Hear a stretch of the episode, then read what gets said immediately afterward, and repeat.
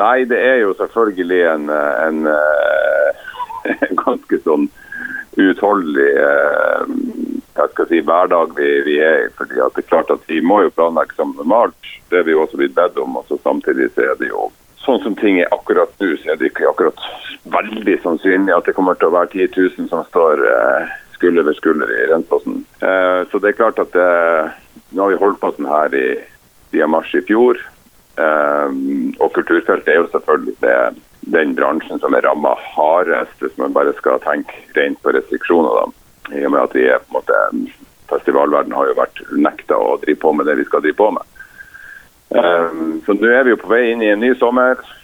Um, vi har nesten utsolgt festival. Vi har et ferdigbooka program. Vi har et crew som er klar og gleder seg, artister som er klare og gleder seg. Men vi vet ingenting. Men hva er det egentlig som avgjør om det blir festival? Nei, jeg tror at det, altså, For å gå til måte, det, det som er forskjellen og utfordringa til parken og en del andre.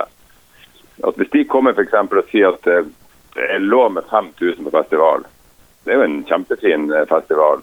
Problemet vårt er jo at vi har nesten 9000 billetter ute. Som gjør at vi kan ikke gjennomføre parken med 5000 uten at vi må si til halvparten av billettene eller billettkjøperne at eh, sorry, dere kan ikke være med. Det går jo ikke. Det betyr jo at vi må kansellere parken sånn som den fremstår og lage et alternativt arrangement.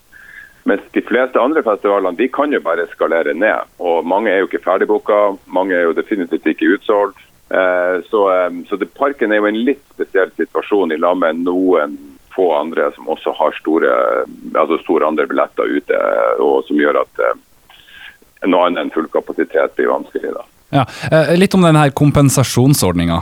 Ja, vi har jo fortsatt en klagesak inne så vi vet jo ennå ikke hva vi blir, eh, utfallet blir av 2020.